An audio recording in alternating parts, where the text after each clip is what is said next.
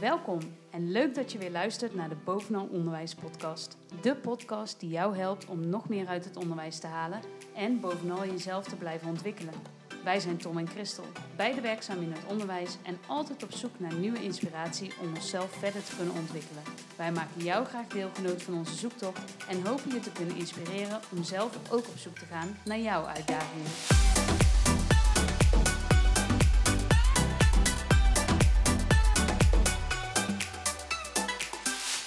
Welkom bij de aflevering over grenzen stellen. Tom, de tweede keer dat we met een gast zitten. Ja, spannend. We zitten aan tafel bij uh, Peter Teriele. Welkom. Dankjewel. En Peter, uh, Tom en ik hebben op je LinkedIn-profiel gekeken, want we waren aan het nadenken over een introductie voor jou. Um, maar daar staat zoveel op dat wij ons eigenlijk afvroegen: hoe zou jij jezelf omschrijven? Wie is Peter Teriele en wat doet hij? Ja, het hangt een beetje in welke situatie je me dat vraagt. Want ik doe inderdaad vooral veel verschillende dingen. Um, ik denk dat ik mezelf een onderwijsspecialist zou noemen. En eigenlijk staat onderwijs voor mij gelijk aan opvoeding. Um, dus het heeft alles met elkaar te maken. En ik kom vooral op heel veel scholen om mee te denken met scholen om hun onderwijs te verbeteren. En dat, dat resulteert ook vooral in dat ik dan in het vernieuwingsonderwijs veel zit. Je moet denken aan Jeneplan, Montessori, Dalton, Kortjak, de traditionele vernieuwers, zoals ze dat zo heel mooi ja. noemen. En, uh, maar ook allerlei reguliere scholen, daar kom ik om uh, nou, mee na te, de, na te denken over, uh, soms over hoe leerkrachten hun didactiek regelen, maar heel vaak ook de pedagogische kant. Um, en ja, als je op mijn LinkedIn kijkt, dan weet je, kun je me nog steeds niet goed plaatsen, want ik hou van mindmappen. Ik ben een groene pedagoog, omdat ik natuuronderwijs heel belangrijk vind. Maar ik vind het allerbelangrijkste vind ik de relatie tussen een kind en andere kinderen of het kind met zichzelf, um, maar ook met de volwassenen, dus de leerkracht of de ouder. Ja, ja. mooi. Nou, heldere leuk, omschrijving denk ja, ik. Ja, super. Hey, en uh, als we het over onderwijs hebben, dan uh, zijn we ook heel benieuwd. Um, als je eigen schoolervaring, heb jij een docent of iemand waarvan je echt dacht van, nou, als ik ooit meester mag worden, ga ik het niet zo doen. niet zo doen? Niet zo doen. Dus je vervelende ervaring of iets waarvan je dacht van, nou, dat is een leraar.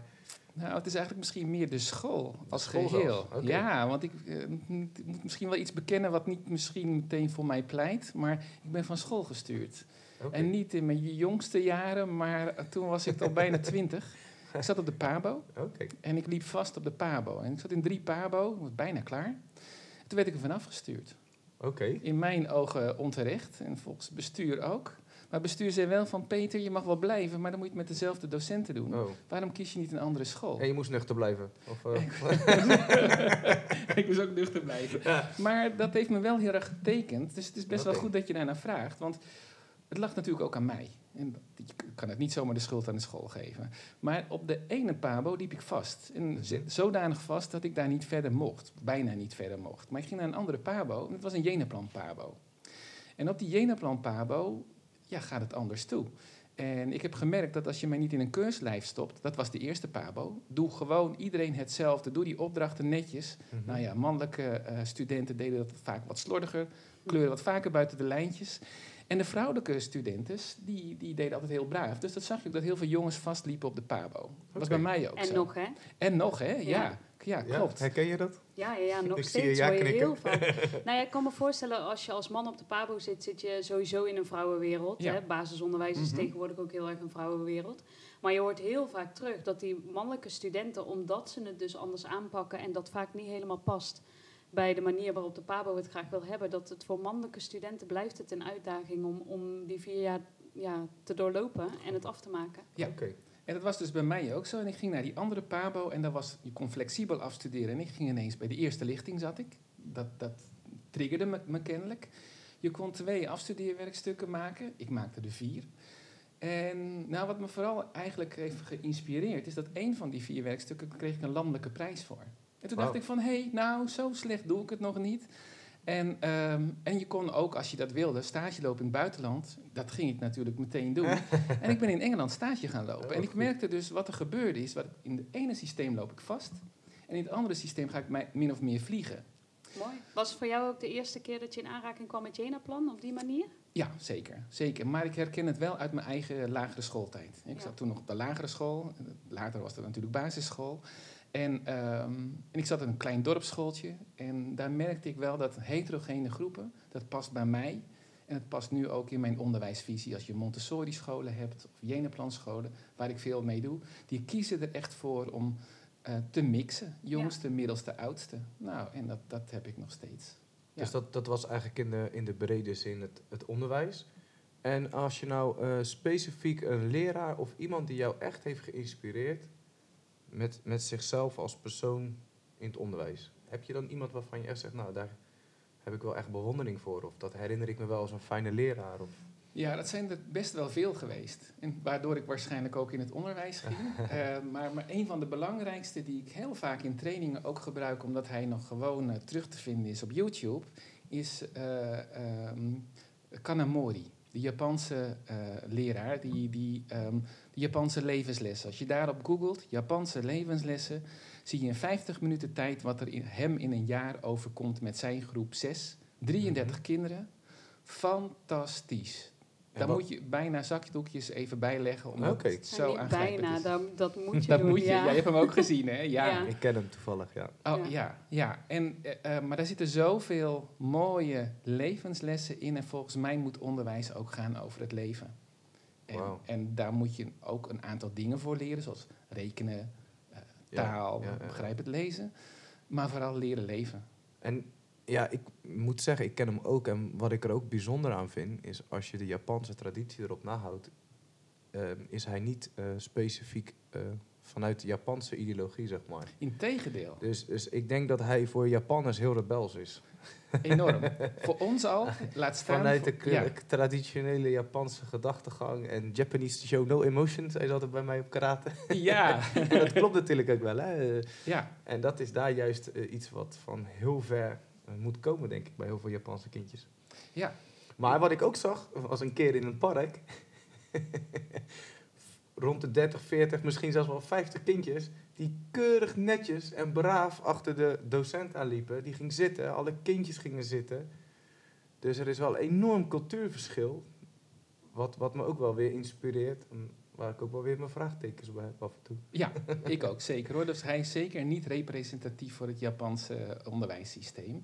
Eh, maar dan zie je dus dat we met onze vooroordelen soms eh, ja, veel kunnen leren, ook door daar eens te gaan Ja, kijken. leuk. Ja, Ja. We Ja. gaan hem ook iedereen aanraden. hè? ja. Zeker, we zullen hem nog even op de site zetten. Oh, bij het archief een linkje. Dan kan iedereen hem kijken. is echt de moeite waard. En ik denk ook dat dit een mooi bruggetje is naar ons thema van vandaag, grenzen stellen. Wij zeiden eigenlijk vooraf straffen en belonen. Maar toen zei jij, nee, nee, nee, dat is het niet. Kan je uitleggen waarom niet? Nou, ehm, het is denk ik heel erg belangrijk op welke leeftijd kinderen, jongeren, maar ook volwassenen eh, ook zitten. ehm, dat er af en toe nodig is om grenzen te stellen. Als je met elkaar samenleeft, eh, dan kom je elkaar tegen. En om dat op een goede manier te doen, moeten we zelf soms grenzen aangeven of met elkaar grenzen eh, afspreken. Al is het maar in het verkeer, daar is het heel erg duidelijk. Maar dat moet je ook in een klas, dat moet je ook in een gezin. En of dat nou de peuter is van twee, ehm, ehm, de, kleuter van 4, 5, ehm, de middenbouwer, de bovenbouwer, maar ook de puber. Allemaal hebben ze grenzen nodig en bij elke ontwikkelingsfase horen ook weer andere grenzen. Want grenzen schu- schuiven op. Ehm, nou, maar ja, eh, als we grenzen aangeven, weten we één ding zeker. Vroeg of laat gaan kinderen, jongeren over die grenzen. Dat is heel gezond, hoort ook zo. En wij als volwassenen of als opvoeder of als professional... ehm, moeten we dan ook de, kinderen aan de grenzen houden. En soms misschien stevig ook. Maar er zijn een aantal theorieën hoe je dat dan moet doen. En van oudsher, ehm, ja, en, in sommige culturen ook, en ook bij ons eh, in Nederland vroeger, deden we dat vooral met straffen. Ja, wie niet horen wil, moet maar voelen. Eh, wie is er niet zo groot geworden? De pedagogische tik. Ehm, gelukkig zijn er betere alternatieven. En, en persoonlijk ehm, zou ik het heel mooi vinden als er ooit een tijd komt dat we kunnen blijven uit het straffen.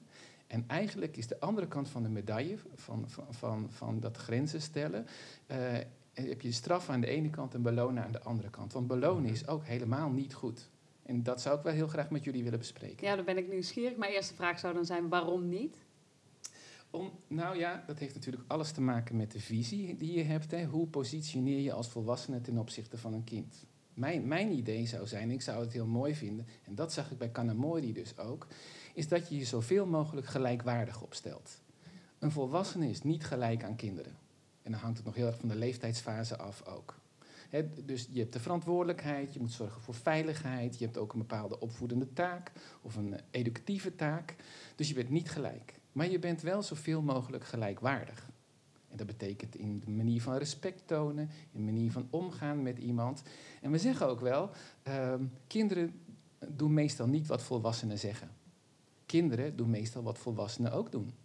Ja. Dus wat doe jij? Als een kind iets fout doet en je zou hem een tik geven, een pedagogische tik. Wat zou een kind dan doen als zijn vriendje iets fout doet? Dan geeft hij toch zijn vriendje een tik. Dus wat, wat leven we dan voor? Nee, als het even kan, blijf uitstraffen. Hè, We ge- gebruiken geen geweld. Geen fysiek geweld, maar ook geen verbaal of psychisch geweld. Maar wat dan wel?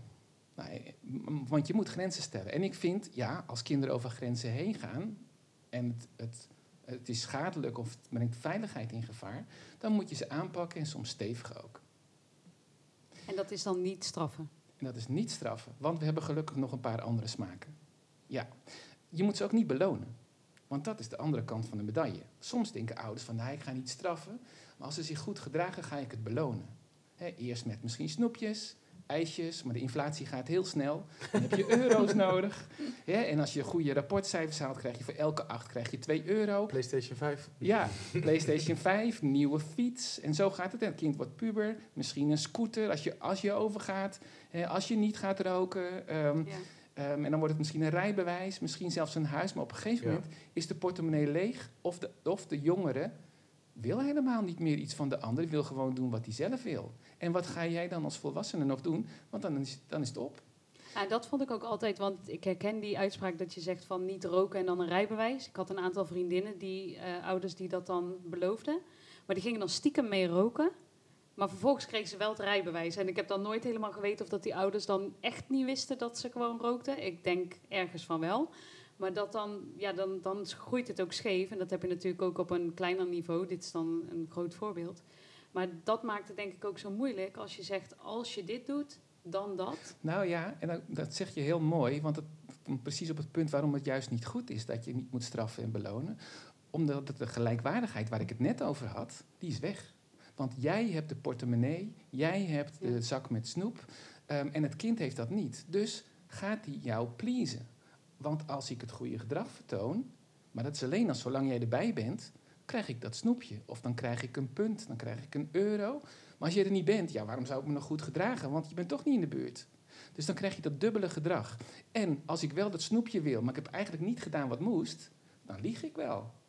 Ja. Dus dan krijg je stiekem gedrag. En kun je eigenlijk niet meer oprecht zijn.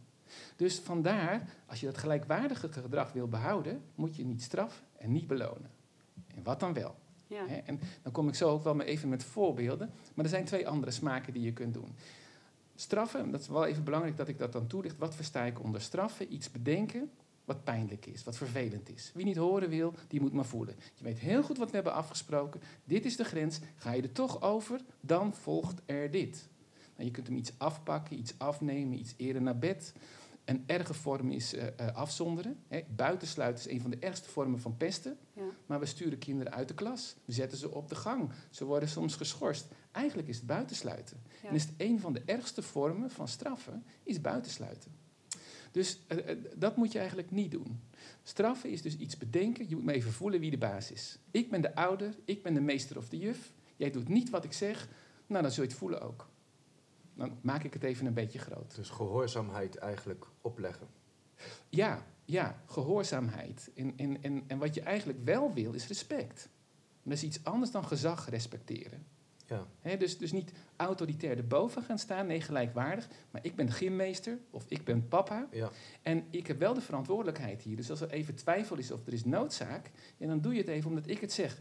Later leg ik wel uit waarom je moest doen wat ik zeg, maar nu gebeurt er even wat ik zeg. En later zal ik het wel even uitleggen. Omdat het misschien even een noodsituatie is. Ja. Kijk, als er brand uitbreekt, gaan we niet eerst in de kring en even kijken van gaan we door het raam of gaan we door de deur naar buiten? Ja. Nee, dan ga je nu door het raam naar buiten, omdat de meester dat zegt en het is veilig Ja. nu dat te doen.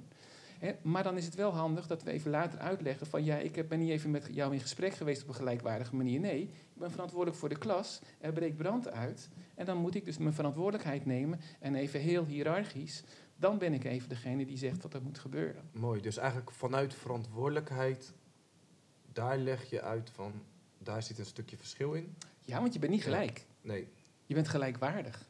Dus, dus zoveel mogelijk probeer ik op voorbeeldgedrag zei je net al, Ja, eh, duidelijk, ja. Ja, en dus je probeert het goede gedrag te versterken, niet met complimenten. Compliment is een vorm van belonen. Moet je ook niet doen. Geen complimenten geven. Ik vind dat moeilijk. Ja. Het, druist, en dat is waar ik ook heel vaak ook wel een beetje met Christo ook over gehad heb. Het druist ook tegen mijn gevoel in. En als ik je zo hoor, denk ik, ja, Mm. dit is gewoon mooi. Maar als we hier naartoe rijden en er is niemand op de weg en we rijden 140, dan gaat Christo dat niet doen, want ze heeft geen zin in die boete. Heel simpel, dus we doen het niet. Dus ik kan me ook zo voorstellen dat voor eh, eenvoudig simpel gedrag, dat is wat mij vooral aan het denken heeft gezet in de gymzaal, wil je gewoon dat het gebeurt, punt. En, en dan heb ik het bijvoorbeeld over gymkleding meenemen. Dat is ook zo'n klassieker. Ja, dan kan je zeggen, hey, je kan het één keer vergeten, helemaal niks aan de hand. Tweede keer vergeten, derde keer. En op een gegeven moment is het gewoon lekker als je kan zeggen, oké, bij de derde keer ga je gewoon, doe je niet mee met de les. Want het is een voorwaarde om mee te kunnen doen aan de les. Dus dan weet je wat ik bedoel? Dus, en, en zo gebeuren in een les heel veel van de kleine momentjes. Maar wat zou jij dan doen? Want daar ben ik Ja. nu nieuwsgierig Nou, naar in dit ik vind het heel Dus dat is de structureel kleine dingen waarvan je eigenlijk denkt van... hé, hey, wacht even, kijk, een vechtpartij is iets waar je in gesprek over moet gaan. Hè? Daar kunnen we het dadelijk over hebben met herstelrecht. Maar een simpele afspraak, ik rijd te hard of niet, ik rijd door rood of niet. Maar, de, maar je 140 lijkt gewoon veilig en je houdt je alleen aan de regels omdat die boete misschien eh, riskeert. Ja. Maar als je 140 rijdt, kan er ook een klapband komen. Ja.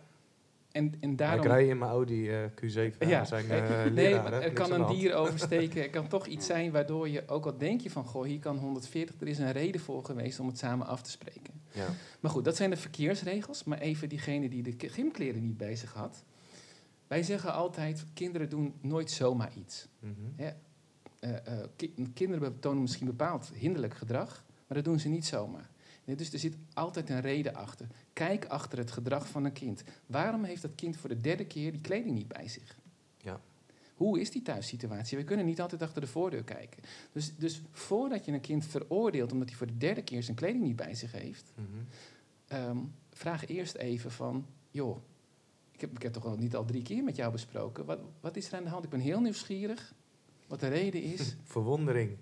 ja, hè, Ja, ja. Want, want misschien is het wel zo dat, ja, dat, dat hij geen vader of moeder heeft die de kleren klaarlegt. En dat hij een hele geschiedenis morgens al heeft Ja. voordat hij bij jou in de gymles is. Of het is iemand die gewoon dat allemaal nog niet voor elkaar heeft met organiseren. Of die op het laatste moment van zijn PlayStation wegloopt. En nog gehaast eh, al blij is dat hij op tijd op school was, maar weer zijn gymkleding is Ja, vergeten. En wat zou je dan doen? Want kijk, de conclusie kan uiteindelijk zijn eh, dat er een reden voor is. Hè? Er zit een, een reden achter het gedrag. Maar wat doe je op dat moment? Laat je dan zo'n kind toch meegimmen? Want dat kan uiteindelijk ook iets uitstralen naar de rest van de groep. Nou, Want dat is vaak de gedachte achter ja. een straf, hè? Nou, ik denk dus heel vaak dat je, eh, dat je zelden iets in een protocol kan doen. Elk kind is uniek, zeggen we. Elke situatie is uniek. Dus je kan niet een pasklaar antwoord geven, maar wel mijn overweging. Dus als jij denkt van, goh, ik wil toch even een daad stellen. Het is niet alleen hij, maar een hele groep. Die nu denkt van, ach, meester Tom is zo aardig, die vindt het toch niet erg. Dus Ja. kan mij het schelen. Ja, en ik ja. vind het veel belangrijker dat ik mijn merkkleding aan heb... dan dat ik die stomme sportpakje aan ga doen. Ja.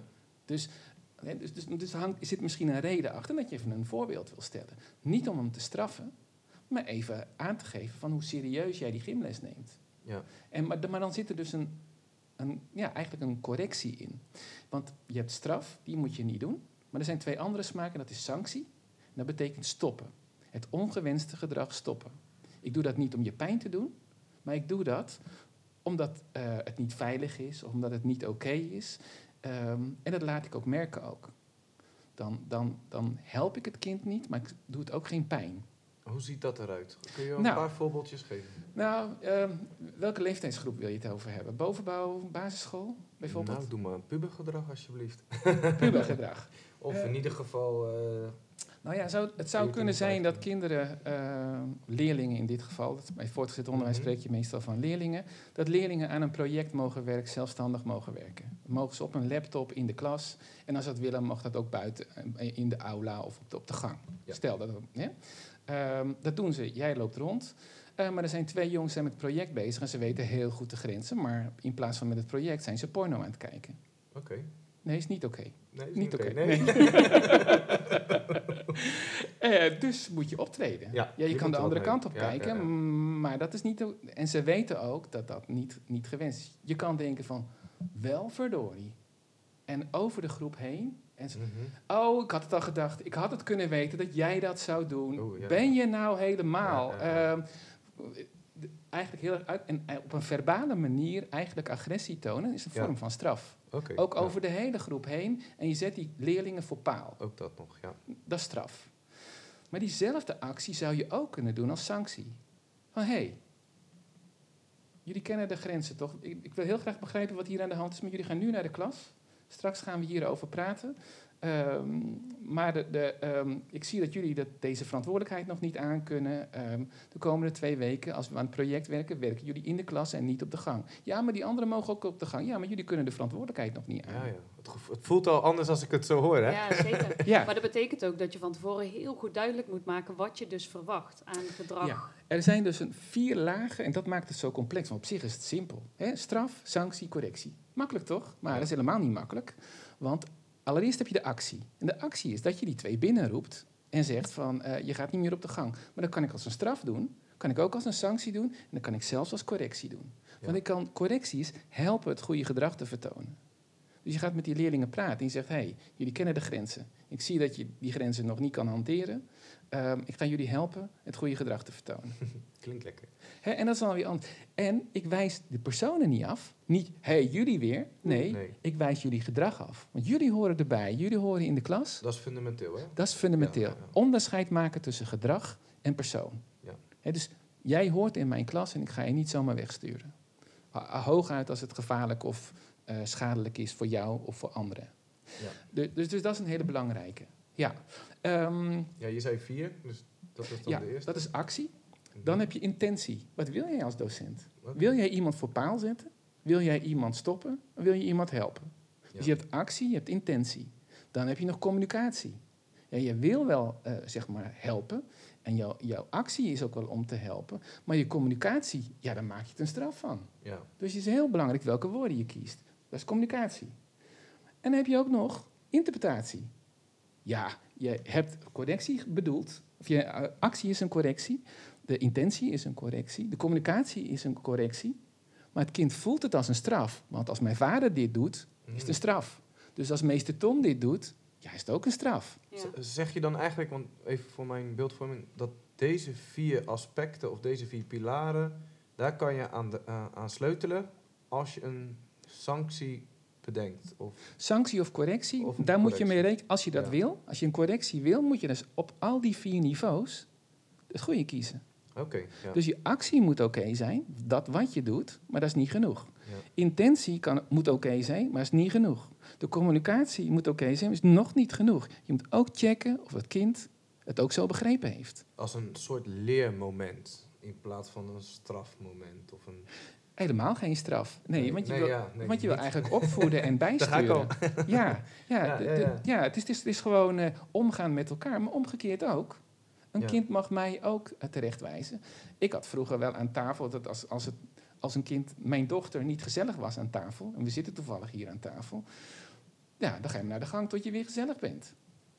Totdat mijn dochter zei: Pap, jij bent niet erg gezellig. Wat volkomen terecht is dan en ik ben toen ook een, ja, ook een keer gegaan. Ja, Wat natuurlijk klopt en wat, wat het ook geloofwaardig Oef, maakt. Ja, ja, ja. Dit, dit vergt veel van je manier van denken, vind Ja. ik. Of, het is een mooie manier van denken, want inderdaad, dan laat je het eh gelijkwaardige zien. Eh, ik En kan me echt voorstellen dat het een is worsteling is. En belangrijk die in vier, herken jij ook een beetje daarin een worsteling? nou ja, ik, als ik ernaar kijk van hoe je dat in de dagelijkse praktijk toe zou moeten passen, het vraagt iets van je leerkrachtvaardigheden. En het eerste wat bij mij opkomt, is dat het allemaal vanuit relatie plaatsvindt. Mooi hè? Ja, dat komt eigenlijk weer terug waar we het best ja, we wel hebben, vaak het, eh, over we hebben hebben. het een paar podcasts Ah, geleden ja. hebben we het gehad over groepsdynamiek en, en wat de invloed is zeg maar, van de leerkracht. En dat je dus eigenlijk vanuit drie pijlers, dus eh, inhoud, procedure en relatie, bezig bent in je klas. En eh, wat wij daarin merkten ook, en daar hebben we het ook vaker over gehad, van in de waan van de dag zit je al heel snel op de inhoud van je les of op de procedures die je hebt. En dat herken ik ook al als ik denk aan straffen en belonen. Ja, Je houdt je niet aan de procedures die we hebben, ja. dus daar krijg je straf voor.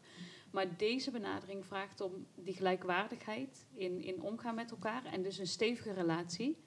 Tegelijkertijd herken ik ook de kracht ervan. Van de week eh, was er een leerling en die had bij mij voor straf op kantoor gezeten. Uiteindelijk bleek dat dat dus, eh, dat verhaal was verkeerd naar mij gecommuniceerd. En ik was best wel stevig tegen haar geweest ook over van dat doen we hier op school niet op deze manier en dat weet je. En nou ja, uiteindelijk kreeg ik dus te horen dat ik daar mis had gezeten en de leerkracht ook. En dat het verhaal eigenlijk niet was zoals het dus daar gepresenteerd werd op dat moment. Dus ik heb die leerling uit de klas gehaald en ik zei, ik moet sorry tegen je zeggen. Ik heb dat niet goed gedaan. Ik wist niet alles en ik merkte aan jou dat je ook niet alles hebt durven zeggen tegen mij. Het spijt me. Maar daar gebeurt iets. Want zij Ja. had zoiets van, hè? Zegt nou de juf sorry tegen mij? de directeur zelfs. Ja, in plaats van andersom. Ja. En dat was zo krachtig, want zij zei, ja, maar er zat wel een klein beetje, klopte wel. Want het was zussen, zussen, zo. Maar uiteindelijk zag ik wel dat ik dacht van, ja, als je dus ook die knieval durft te maken en durft te zeggen van, nou, ik heb het gewoon verkeerd aangepakt, dan doet het wel iets met kinderen. Ja, want laat ik een voorbeeld geven, dat het, want het ook bij hele heftige situaties zal ik nog steeds niet in straf. eh, want ik word af en toe erbij geroepen als er op school iets ernstigs gebeurt. En ik heb een school gehad ehm, waarbij heel iets ernstigs was gebeurd. Wat was er namelijk gebeurd? Het was een eh, driejarige stamgroep in de bovenbouw. Dat zijn zesdejaars, zevendejaars en achtstejaars eh in de bovenbouw. Dat zijn dus 10, 11 en 12-jarigen. Mhm. Er was een jongetje, was bij, bij het naar buiten gegaan, een meisje aangevlogen. Eh, Twaalfjarig meisje. Dus de, bij- dus de jongste, middelste en oudste in de klas. En dat middelste jongetje, zeg maar, die had een van de oudste meisjes aangevlogen. En wel zodanig dat ze de knie op de keel had gezet. Had hij dat een knie op de keel gezet. Zodanig dat gelukkig de ambulance nog op tijd is gekomen. Anders het meisje het niet eens overleefd. En dan gaan er allerlei protocollen in werking. Ja, dat jongetje wordt geschorst. Ja. En dan? misschien zelfs verwijderd, kan ik me voorstellen. Dat is meestal de volgende stap. Ja, Dan word ik er soms bijgehaald als herstelcoördinator. Want dat was een van de dingen die ik niet heb genoemd. Maar dat heeft ook alles met pedagogische eh, instelling te maken. Ehm, maar dan ga ik niet uit van strafrecht. Van hé, hey, wat is hier gebeurd en welke straf moet daarop volgen? Het protocol dus. En waarschijnlijk is het dan schorsen en later eh, verwijderen naar een andere school. Probeer het maar ergens opnieuw. Nee, we gaan herstelrecht toepassen. En herstelrecht is dus, dan ga je dus vooral kijken niet naar de schuldigen, maar kijken van, is er iets wat hersteld moet worden en kunnen we dat met elkaar doen? Dus niet alleen de dader en de slachtoffer erbij roepen, maar vooral de omstanders. In Afrika heb je een hele mooie uitdrukking, it takes a whole village to raise a child. ja. Dat, daar komt dat herstelrecht ook vandaan. En eh, dan helpen papa, mama, meester, juf, vriendjes, vriendinnetjes... die kijken of dit jongetje terug kan keren in de klas. Want hé, hey, wat was er nou eigenlijk gebeurd? Ja, er was wel iets gebeurd. En kijken achter het gedrag een kind. Een kind doet nooit zomaar iets. Wat was er gebeurd? Nou, de meisjes, de achtstejaars, een groepje meisjes... hadden iets ontdekt. Hé, er zit een jongetje bij ons in de klas, zevendejaars. Zo grappig. Voordat hij boos wordt, gaan zijn neusvleugels trillen. Zo grappig. Als jij nou eerst, en dan jij, en dan jij. Dat is twee weken aan de gang. Elke keer het jongetje op tilt. Jongetje was wanhopig. Voelde zich zo vernederd. Was een jongetje een beetje klein van stuk. Om die grote meiden, achtstejaars, zijn vaak al wat verder dan de jongens. Hij kon niet tegen die meiden op. En hij ging zo op tilt dat hij dacht... en nou, als we naar buiten gaan, grijp ik er één. Mhm. Daarmee kun je het niet goed praten. Maar hoe kan het dat een hele groep die twee weken laat gebeuren, dat de juf of meester het niet doorheeft en dat het plaatsvindt? Dus toen we bij elkaar zaten en dit zo eens gingen bespreken, dachten we van ja, maar wie zou er niet op tilt gaan?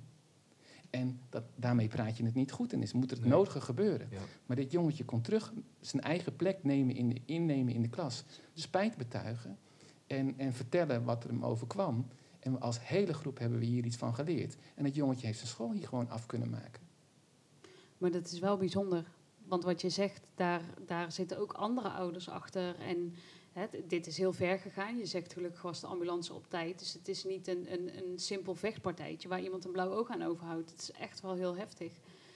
Dus ik vind het knap dat ook andere ouders, want er is al snel een oordeel natuurlijk. Precies. Maar kijken achter het gedrag. En het had ook gekund dat het jongetje niet zijn plek had kun- in kunnen nemen in de Ja. klas, omdat er zoveel angst was. Ja. Maar ook dan ga je op een goede manier uit elkaar en neem je afscheid van elkaar op een volwassen manier. Maar heb je En het in niet- ieder geval geprobeerd? Ja, en niet langs de achterdeur van, Ja. hey, als we een probleem hebben, moet je het probleem verwijderen. En dan gooi je het eigenlijk over de schutting van de volgende school. Want wat leert zo'n jongen daarvan? ja. Ja. Niks. Wat leert de groepen van? Die denkt ook van, als we een probleem hebben, verwijderen. Juist. Nee, als je een probleem hebt, los je hem op. Herstelrecht is wel iets om echt Zo. over na te denken. Ja. Het is ook natuurlijk in Afrika een eh, apartheid met Desmond Tutu. En, Zeker. eh, heeft Waarheidscommissie. dat, de waarheidscommissie. Daar komt het een beetje vandaan, toch? Nog eerder is, zijn de Oh, Maori's in Nieuw-Zeeland. Wauw. Ja, Ja. Is, ja, want die, ja, het is gewoon, ik vind het fascinerend. Want inderdaad, het verhaal achter het verhaal spreekt me altijd aan. Ehm, de tijd en ruimte die je ervoor neemt om echt het op te lossen.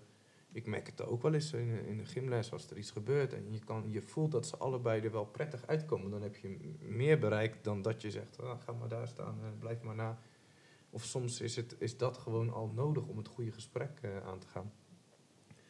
Dus- ja, maar dat vind ik ook mooi. Ik herken dat, ik zit er nog even over na te denken. Ja. Dat ik ehm, ook zie dat kinderen vaak op een wat kleiner niveau dan... Hè, dit is echt wel een heel uitzonderlijk Mhm. geval. En een, echt een incident, daar moeten volwassenen aan te pas komen. En dat, dat heb je niet in één dag geregeld. Ehm, wij zijn als school drie jaar geleden begonnen met de Vreedzame School. Ken ik goed. Waarin Ja. kinderen een ontzettend grote rol en verantwoordelijkheid krijgen in hoe gaan we om met elkaar, maar ook in het conflict oplossen. En dus eh, mediatie vanuit kinderen uit de bovenbouw. En inderdaad kijken in het conflict naar welk verhaal zit er nu achter. En allebei de partijen mogen hun zegje doen. En er moet een win-win situatie komen. En dat brengt zoveel moois met zich mee, waarin er inderdaad veel verder gekeken wordt. Hè. We zijn vaak op het moment dat er een conflict is, zijn we gewend om te zeggen, ja, hup, jij daarin, jij daarin en nu klaar. Maar dat krijgt een heel andere invulling op het moment dat je kinderen daarover laat praten met elkaar en, en die oplossing laat zoeken. Ja, dat is mooi. Ik, ik, ben, ik ben vreedzame schooltrainer geweest, dus Ja. ik ken het heel goed. Eh, en ik heb ook een hele mooie Cruyffiaanse uitspraak. En dat is, een probleem is, is, is geen probleem als je het oplost. Ja, Dan kom je sterker uit. Mhm. Dus ehm, dat is wel heel erg mooi. En, en een conflict is eigenlijk niet meer dan een belangenbotsing. Dus, dus als je dat oplost, kom je er allebei sterker uit. Eh, En een, uit, een geëscaleerd conflict, dat is een ruzie. Ja, Ja. dat is niet oké. Maar een conflict op zichzelf ja, is, is eigenlijk helemaal geen probleem. Dan kun je allebei sterker uitkomen. En dat is ook met herstelrecht natuurlijk Ja. zo. Je komt er uiteindelijk sterker eh, uit. Prachtig. Eh, en ik ben ook zeg maar Kiva-trainer. En dat, is de Finse aanpak van pesten. Ja. En ook daar zit dat in. De kracht van de groep. Vreedzame school zit de kracht van de Ja. En dat is heel erg belangrijk bij pesten, dat het niet meer gaat zoals vroeger over een slachtoffer en een dader. En we zullen die dader wel eens eventjes flink aanpakken. Of die slachtoffer van, oh wat zielig, daar komen we gaan, die gaan we redden. Nee, iedereen heeft iets te doen. Ja. De slachtoffer heeft iets te doen, de dader heeft iets te doen. Maar alle kinderen die er... En dan komen we weer terug even bij Kanamori. Hè, die, die zegt, ja, die Ja, zegt, die ja, zegt ja. ook van als één kind in mijn groep niet gelukkig is, is niemand gelukkig. want die valkuil zie ik wel als ik kijk naar het belonen. Straffen hebben we al veel meer van gezegd, dat moeten we niet doen. Dat is al meer eh, gemeen goed. Ja. Maar inderdaad, die andere kant van de meda- medaille is dat belonen. Klas Dojo is daar zo'n voorbeeld van. Zeker.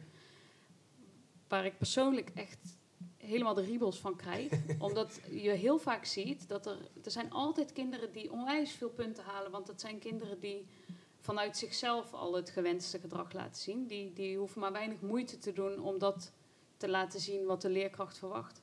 Ja. Maar die kinderen die er zo mee worstelen, die het, die het zo moeilijk hebben met zichzelf en gewoon het zijn in een groep en voldoen aan de normen die er gelden, daarvoor is het halen van die punten bij die klasdojo zo lastig. En dan wordt belonen, ja, in sommige gevallen een competitie, maar het, komt ook de klassensfeer niet ten goede. Maar ik ben Nee. benieuwd hoe jij daar dan naar kijkt. Nou ja, er ontstaat een tweedeling.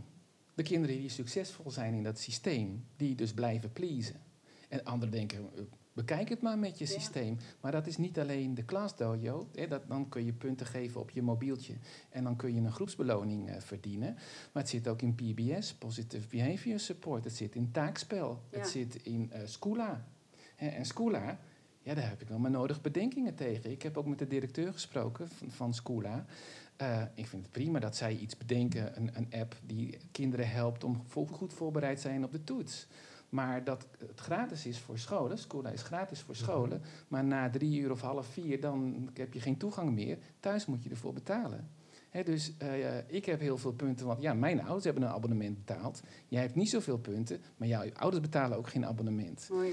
En wat veel ouders ook niet weten, maar scholen ook niet, is dat je die punten kunt inwisselen bij een speelgoedwinkel. En dan, en dan kun je goedkoop eh, speelgoed krijgen, of je kan bijna gratis naar pretparken. Ja. Maar, Oh, als dat wist ik ook niet. maar ik, ik, ik, ik vind dat toch wel heel fascinerend, want belonen voelt fijn. Hè? Dus, dus ik, ik kan me ook voorstellen dat de luisteraar denkt, ja, maar belonen is toch positief, het is iets Ja. goeds. En, en, en neem nou bijvoorbeeld, daar, daar, daar zit natuurlijk de grootste psychologie achter tegenwoordig, zijn games. Ja. Geraffineerd, voor volwassenen ook, tot kinderen toe, weten ze jou net dat duwtje te geven om, hey, een punt, hey, een coin, hey, een next level. Maar en dat Tom, werkt zo vernuftig. Dus het resultaat is er. Ik zal niet zeggen, ik sluit me stiekem toch volledig bij je aan. Maar ik probeer ook te denken van... Als je puur kijkt naar het resultaat, op misschien korte termijn... werkt het zo vernuftig van een, vanuit een spel. En het, je ziet hoe die verslaving eigenlijk daarin... ook Ja. zo verschrikkelijk sterk is. Neem Ja. Fortnite straf als en game. Ja. Het, het, het, het, is- het gaat zo diep. Maar Tom, ik wil heel graag daarop ingaan. Ja, Hè? ja. Want je bent sportman. Hè? Ja. Je, bent, je, je bent gymdocent in het voortgezet onderwijs. Eh, volgens mij ook een hele pedagogisch gerichte eh, docent. Ik doe een poging tot. ja, hè, maar als, als je dat door gaat trekken, dat game is eigenlijk topsport. Ja. Hoe gelukkig worden kinderen onder topsport? We hebben net de turnwereld hebben we gehad. Mhm. hè, hoe kinderen daaronder zijn. En maar drillen, en maar drillen. En naar de perfectie en de perfectie. En volwassenen gaan dan heel erg ver om Ja. die kinderen ver op te drijven. Eigenlijk doen we dat soms in het onderwijs ook. We trekken heel hard aan kinderen. En sommige ouders doen huiswerkbegeleiding, eh, coaches. eh, naast schooltijd is er nog een hele... En de druk wordt heel hoog opgevoerd. Ja. Waar gaat het eigenlijk om met opvoeding en onderwijs? Willen we een kind die lekker in zijn vel zit en zijn eh, talenten ontdekt en zijn capaciteiten benut om dat wat hij eh, eh, kan worden, dat hij dat ook gaat worden? Ja. Of gaan we het maximale eruit trekken? Dus topsport maken van onderwijs. Ik hoop dat we geen topsport maken van onderwijs. Ik hoop dat we wel games gaan doen, maar je hebt, je, je hebt competitieve games Ja. winnen of verliezen en wat er ook gebeurt, maar ik ga winnen. Hè, waardoor heel vaak een hele negatieve sfeer ontstaat. Maar jij weet net als ik ehm, dat die groene spelen veel leuker zijn om te spelen. Ja. Coöperatieve spelen. Samen gaan we een prestatie neerzetten. Ja. En we gaan een competitie aan met onszelf. Ja. Niet om die ander te vernederen. Van ha, ik heb lekker weer gewonnen van jou. Hoe leuk is dat? Is helemaal niet leuk. Mooi voorbeeld vind ik stoelendans. Ik gebruik dat vaak in mijn trainingen met onderwijs. Stoelendans is het stomste spel wat je kan spelen. Waarom? Omdat bij elke ronde heb je verliezers. En, Ja. en, en altijd is er ruzie bij elke ronde van wie nou wel of niet af was. Ja. En de, en de laatste ronde heb je een winnaar. En wie wint er? Degene die het beste vals kan spelen. dus dat is een naar spel. Maar hetzelfde spel kan je ook coöperatief spelen. Er gaan geen kinderen meer uit als de muziek stopt. Er gaan stoelen uit als de muziek stopt. En we gaan kijken hoe ver we kunnen komen dat als de muziek stopt, dat binnen drie seconden iedereen de voeten van de vloer heeft. Ja, en als er meer kinderen zijn dan stoelen, dan moeten we elkaar gaan helpen. Ja. Tot hoe ver kunnen komen. Deze week hebben we 19 stoelen. Volgende week beginnen we weer bij 25, of hoe groot je klas ook is. Ja. En dan gaan we kijken of we ons record kunnen verbeteren. kom je weer bij het samen tot iets. Coöperatief, kracht van de groep. En we gaan samen trots zijn of de uitdaging volgende week opnieuw aan. En dat, dat sluit me dan ook weer door als je het hebt over leren. Van, eh, ben ik hier op school voor mezelf alleen? Of eh, kan ik misschien met elkaar tot iets komen? En vanuit een ideaalbeeld is dat wel het lekkerst. Als je kan denken van, eh, wauw, Ja.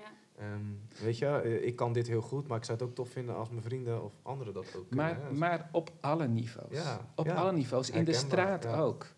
Ik hoef niet per se een grotere au- auto dan de buren. Ik wil graag een goede, goede omgang met de buren. Allereerst hoop ik dat ik geen last van hem, hem of haar heb. Ja.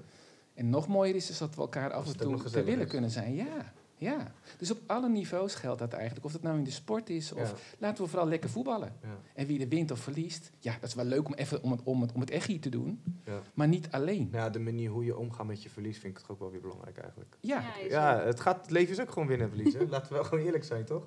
nee, dat denk ik dus niet. Nee? Nou, want daar ben ik nog wel nieuwsgierig naar. Want als je kijkt naar het, het stellen van grenzen en straffen en belonen. Mhm. Je zei net ook van takes a village to raise a child. Daar zitten natuurlijk wel grote verschillen in soms tussen hoe we dat op school doen en hoe dat thuis gebeurt. Ja. Dus zie jij daar dan nog grote obstakels bijvoorbeeld in culturele verschillen? Als het gaat om, om de gedachten rondom straffen en belonen of die gelijkwaardige relatie. Ja, ik vind dat een school niet moet gaan bepalen hoe ouders moeten opvoeden. En ik vind dat ouders ook niet moeten vertellen hoe, hoe, hoe school hun onderwijs moeten doen. Scholen als het he- zijn de professionals, die hebben als het goed is een goed concept. En die kunnen dat uitleggen en ouders kunnen er wel of niet voor kiezen. Maar dan moet je wel helder en duidelijk zijn aan het begin. Maar eh, ehm, het is wel heel fijn als thuis goed aansluit bij school. En dat school goed aansluit bij thuis. Dus daar moet je met elkaar in gesprek over gaan. Ehm, ja, ik zie op sommige scholen dat ouders wel heel erg eh, proberen te bepalen hoe het onderwijs moet zijn. Of dat soms het onderwijs wel zich erg wel bemoeit met thuis. Ehm, ik denk, onderwijs, daar gaan de professionals over. Eh, Het team, de leerkrachten, de directeur, dat zijn de professionals, niet de ouders.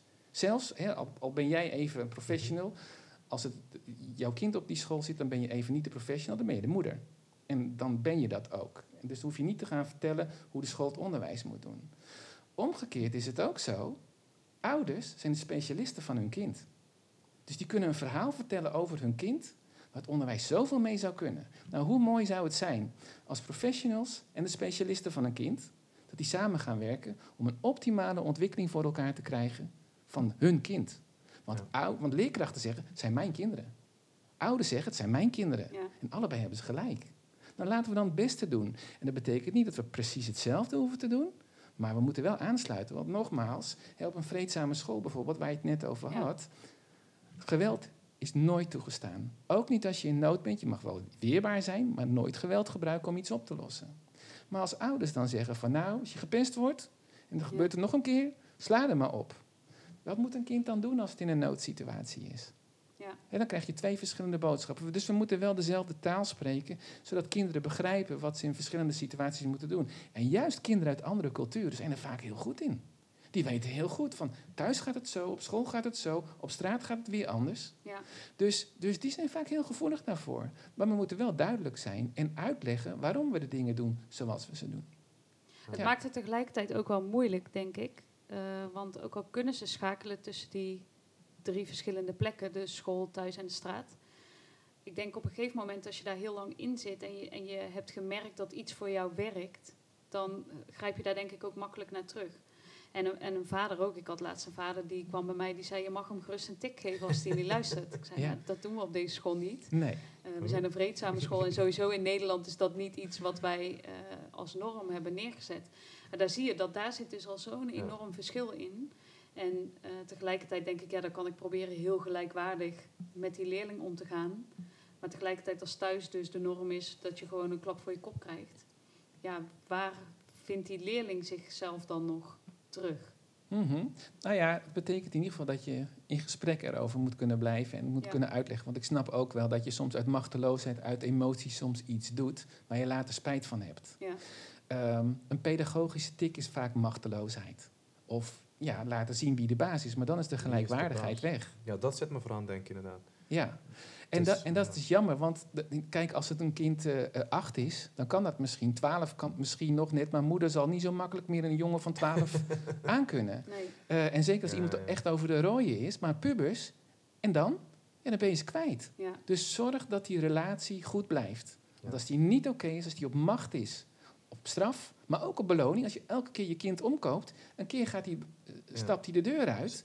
En dan is die niet meer om te kopen, niet meer te manipuleren. Dan hoop je dat je zo'n goede relatie hebt, dat die gelijkwaardig is. En wat er ook gebeurt, je kunt altijd met elkaar verder. ja. Zou je nog wat eh, praktische tips kunnen geven over hoe jij naar, of de, de alternatief voor belonen? Dus hoe je op een prettige manier. Ja, ja. Ik, volgens mij hebben we dat nog niet Nee, echt. niet toegelicht. helemaal, Dus dat ik zei- stuk voelde ik nog, eh, daar wil ik nog wat. eh, ja, Tom, heb je goed. Want, want ik gooi ook nog eens olie op het vuur door ook nog eens te zeggen dat complimenten ook niet mogen. Ja, Ja. dus Ja. wat moeten we doen? Geef Ja. ons tips. Ehm, dat lijkt een woordenspel, dat is het niet. Ehm beloon is eigenlijk een zak met geld, snoep, ijsjes enzovoort, waarmee je de ander manipuleert. Als je dit doet, dan krijg je van mij en jij bent de baas over dat wat je kunt uitdelen. Maar loon naar werken is iets anders. En dat zit dicht tegen belonen aan. Maar loon naar werk is het een is het gevolg van een ander. Als ik een weektaak, stel dat het een week van maandag tot vrijdag duurt als kind. En ik ben op donderdag klaar met mijn weektaak, heb ik tijd over. Als we als hele groep nog tijd over hebben, hey, hoe, we dat, hoe gaan we dat invullen? Dan is het niet zo, als jullie goed je best doen, maar gaan we op vrijdag spelletjes spelen. Maar wel van, hé, hey, wij gaan zo lekker, we hebben, we hebben zoveel werk al gedaan. Er blijft tijd over om samen anders in te vullen. Het een is het gevolg van het ander. Loon naar werken. Op het moment dat je in de klas heel goed zelfstandig kunt werken, waarom zou je dat niet op de gang doen als je dat wil? Je kan het in de klas, waarschijnlijk kan je het ook buiten, buiten de klas. Laat eerst zien dat je het in de klas kan, kan dat. Nou, dan wil ik het ook wel eens proberen buiten de klas. Het een is het gevolg van het ander. Is loon naar werken is niet belonen, is loon naar werken. Dus dat is heel subtiel. Ja. Ja, dat, dat, ik vind het moeilijk. Ik, ja. ik, snap hem nog niet zo goed eigenlijk. Um, het een is het gevolg van het ander. Ja. Het is niet een soort zak met, met beloning. Ja, maar, maar omdat je iets doet, kan iets anders wordt dan mogelijk. Okay. Dus loon naar werken. Um, um, ander voorbeeld, even met complimenten. Als ik tegen jou zeg, uh, mooi pet. Ja. Wat denk jij dan? Nou, dankjewel. Nee, ja, afhankelijk hoe de opmerking gemaakt wordt. Hoe ja, je kan hem nog niet helemaal plaatsen. Nee. Maar als ik zeg van, mooie pet, ik hou van dat merk en het staat goed bij je shirt, dan wordt het al iets aannemelijker. Want kennelijk vind ik dat dat mooi bij elkaar staat en jij herkent dat, of wij vinden allebei het merk mooi. Ja, ja. Um, ik geef een argument. Dus een compliment plus argument, dat is altijd goed. Dat is... Maar een compliment als die leeg is, wat mooi, wat goed gedaan, super van je. Ja, ja hoezo super? Hoezo dan? Dus, dus het kan ook een manier van manipuleren zijn, eigenlijk weer belonen. He, want soms zeggen we wel eens van, jongens, super gewerkt. Maar, maar heb je iedereen gezien? Weet elk kind, vindt het, elk kind het zelf ook dat hij super gewerkt heeft? Ja. Misschien vindt het kind eigenlijk, nou eigenlijk heb ik helemaal niet super gewerkt. Maar meester zegt, of juf zegt, dat is super gewerkt. Ja. Dan wordt het een ik manier... Ik herken dit wel heel erg, het is wel confronterend. Omdat ik zeker bij groepen waar ik het moeilijk mee heb, denk nou ik gooi er maar een positieve sfeer in. Jongens, uh, fantastisch. En dan denk ik inderdaad stiekem bij sommigen wel van nou... Eigenlijk vind ik dat niet, maar ik doe dat om te enthousiasme. Nou, het ja, kan soms ja, ja. aanmoedigen zijn, kan, maar pas op met complimenten. Amerikanen, en ik, Amerikanen doen het aan de ene kant hartstikke goed, maar soms is dat super fantastisch. Ja, En als het echt is, is het oké. Okay. Maar dan moet die ander het wel begrijpen. En daarom is een argument eigenlijk nodig. En wat je nooit te veel kan doen, is goede feedback geven. Daar groeien kinderen van. Ja. Maar dat betekent dus compliment plus argument. Feedforward werkt dan nog beter misschien. Want ook. ik vind feedback eigenlijk ook iets, dan zit je in het verleden en daar kan diegene niks meer mee. Feedforward kan je ook ja, maar feedback... ergens naartoe. Dat motiveert denk ik meer dan... Al, allebei. Je moet denk ik allebei doen. Ja, ja. ja maar, maar goede feedback of, of argumenten waarop je zegt van... hé, hey, dit is goed gedaan, want... Hey, vorige week heb ik je dit zien doen, ik zie nu dit. Wat een verschil. Echt een sprong vooruit. Ja, ja dan is het echt op het proces in plaats van alleen maar iets in de lucht gooien. Exact, ja. exact. En dan kan je er ook iets mee. Ja, ja. Wat zijn nog meer beloningsvormen? Of nee... Juist Alternatieven voor beloningsvormen. nou, ja, de, nou ja, evaluatie, reflectie. Ik zeg altijd, met een goede reflectie kun je de opbrengst verdubbelen. En daar bedoel ik mee van, als we echt met elkaar even in gesprek gaan van, hey, hoe is iets gegaan? Dan weet ik van, oei, dit was echt nog moeilijk voor je. Misschien moeten we volgende keer nog even iets herhalen. Of, nou, dit was zo simpel voor je. Misschien moeten we uh, volgende keer wat sneller gaan. Of dit was wel erg saai, geloof ik. Hè? Even kijken of we een ander onderwerp kunnen kiezen. Je kunt dus met een goede reflectie, met een goede uh, evaluatie, kun je je opbrengst verdubbelen. Dus reflectie is ook heel belangrijk weer voor die gelijkwaardigheid voor relatie. En ja, dus reflectie zorgt ook echt voor uh, een fijn gevoel eigenlijk. Ja. Zonder dat je daar. Ja, en wat je daar ook kunt doen is het succes vieren. Dat is ook heel erg belangrijk. En dus als kinderen vooruitgang ervaren, ja. is dat de motivator om de volgende keer weer verder te gaan. En wat ik mooi aan vind aan het voorbeeld wat jij noemt, is dat je het kind echt ziet. Dus op het moment dat je zegt, lekker gewerkt jongens, dan, ja, over wie gaat dat dan? Gaat dat over iedereen of gaat dat over die individuele leerling? En als je inderdaad de kans hebt om even één op één tegen een leerling te zeggen van... hey, het ging al veel beter dan vorige week. Of hè, wat jij aangeeft van, dit was eigenlijk te makkelijk. Misschien heb je jezelf wel een beetje verveeld. Dan gaat die, kind, uh, die kinderen ook zien... oh, ik word echt gezien. Ja. En op het moment dat een kind misschien een beetje lantig vond... of er een beetje doorheen wandelt... die denkt, oh shit, de meester of de juf heeft wel echt heel goed in de gaten wat ik aan het doen ben. Dus ik kan me voorstellen dat die intrinsieke motivatie daardoor ook weer aangewakkerd wordt. Exact. En de intrinsieke motivatie in Nederland is nog nooit zo laag geweest als dit moment. En dat heeft te maken met systemen die we nu doen. Hè, dus, dus dat taakspel, positive behavior support. Die, ja, die, dat is allemaal extrinsieke motivatie. Dus beloningen. Hè, ik kwam in een kleuterklas en er waren de kinderen waren smileys aan het verzamelen voor over twee weken. Want als ze genoeg smileys hadden verzameld, dan mocht hun knuffel mee naar school. Nou, kleuters, die, die heb je in instant bijna enthousiast. Ja. En die kunnen helemaal niet twee weken vooruitkijken. Dus, dus welk systeem zetten we aan? Hè, en Tom, ik, ik ben het wel met jou eens, van het klinkt wel mooi en poeh, dat, dat, dat, dat vergt wel veel. Maar als je bij kleuters of nog eerder bij peuters al begint, dan zijn ze niet anders gewend dan op een bepaalde manier met elkaar omgaan. Maar als je ineens in groep 7 of zo moet gaan corrigeren, Ja. ja, dan is het best lastig om, als ze gewend zijn aan beloningen en straffen, om ineens met iets anders te komen. Ja. Ja, Dus het vraagt iets van je school eigenlijk op het moment dat je hiermee aan de slag wil. Om daar dus eh, keuzes in te maken als team zijnde en misschien ook wel het leren van dezelfde taal spreken. Exact, en ook van ouders. Want ouders zijn ook vaak handelingsverlegen. Die denken ook van, als ik het even niet meer weet, hoe deed mijn vader of hoe deed mijn moeder het? Ja, En dan doe je het vaak vanuit de emotie of vanuit de onmacht. En doe je precies het verkeerde. Omdat je geen ander alternatief hebt. We, ik, ik, begreep dat het ook een, eh, een term is, de zwarte pedagogiek. ja, Daar bedoelen ze mee van, hoe kan het dat iemand die zelf als kind mishandeld is, een kind krijgt en zijn of haar kind ja. ook weer mishandeld. Omdat ze geen ander voorbeeld kennen. Van dat is hoe wat je weet. Ja, dat is, dat is wat je voorgeleefd is. Ja. Ja. Dus, dus dat doorbreken, daar moeten we vooral met elkaar in gesprek gaan. En niet goed of fout, maar laten we het gesprek eens voeren. Wat willen we eigenlijk? Nou, we willen vooral dat kinderen een fijne jeugd hebben. En dat dat niet vanzelfsprekend is, dat zien we om ons heen. Ja. En plezier is voor mij ook altijd heel belangrijk. Zeker. Ja, Als drijfveer is plezier echt gewoon... Ja. Ja, in de gymles zie ik ook gewoon dat plezier is er een drijvende kracht achter. eh, en als met plezier voor de groep sta, dat is ook zo'n drijvende kracht. Maar dat voelen kinderen. Ja, ja, ja. ja. Ah, Mooi. Voor de, voor de leerkracht of de docent die nu luistert, wat kan die als gouden tip voor morgen in zijn klas meenemen vanuit jou? Als het gaat om grenzen stellen. Ehm, ik denk, eh, ga, denk na over lastige situatie, want dit klinkt heel mooi. Het is eigenlijk best eenvoudig in woorden, maar om het te doen is het heel erg lastig. Dus denk je gewoon eens aan een casus waarvan je denkt, hey, hier ging het mis. Ik heb dit gehoord. Hoe had ik het op een andere manier kunnen doen? En als ik het niet weet, laat ik het eens met een collega eh, bespreken. Van, hoe, hoe had jij dat gedaan? Of als je als vader de- even de fout ingaat, overleg het met je vrouw of met je man. Ehm, eh, en van hey, hoe zouden we dat anders kunnen doen? En het is heel goed als je voelt van hé, hey, emoties zitten hoog, mijn onmacht is groot. Neem jij het even over? Neem een time-out. Daar is niks mis mee. Maar doe niet zoals Super Nanny. Hè, van een kind op het strafbankje zetten van zoveel minuten. Ehm, dat is uitzonderen, eh, hè, dus verwijderen. Ja. Eh, ik zei net van, van bij mij aan tafel, en dat, ik, ik, ik sta daarachter, maar dat vind, zie ik niet als een straf. Als jij niet gezellig kunt zijn aan tafel, ga even weg. Kom terug als je weer gezellig bent. En dat geldt dus ook voor mij. Voorbeeldgedrag. Voorbeeldgedrag. Maar dan is de, naar de gang gaan is niet ehm, een straf, maar is een manier om even tot mezelf te komen. Even afstand te nemen, misschien even af te koelen, een slokje water te drinken, mijn stoom uit mijn oren te laten gaan.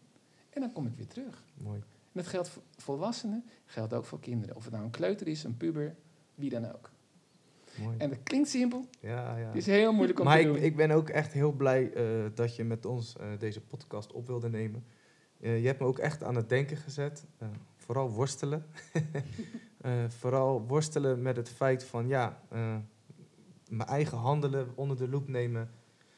Wat doe ik met moeilijk gedrag? En ik merk nu ook weer dat ik wel eh, ja, met plezier denk van hoe ga ik het doen, hoe doe ik het zelf. Dus onwijs bedankt dat je ja, bij ons te gast wilde zijn in deze podcast. En ehm, ik denk dat we hem hiermee moeten afsluiten. Chris, We heb jij nog iets? oefenen. We gaan en oefenen, oefenen, morgen. oefenen. En ik ga jullie vanaf nu heel erg volgen en ik zal zeker op mijn Twitter-account eh, meer van me laten horen hierover. Dankjewel. Superleuk. Super tof. Leuk. Leuk dat je luisterde naar de Bovenal Onderwijs podcast. Wil jij ons helpen groeien? Like ons dan op Instagram, Facebook en Twitter. Volg ons ook via LinkedIn en deel deze aflevering vooral met al je vrienden en kennissen. Tot de volgende aflevering.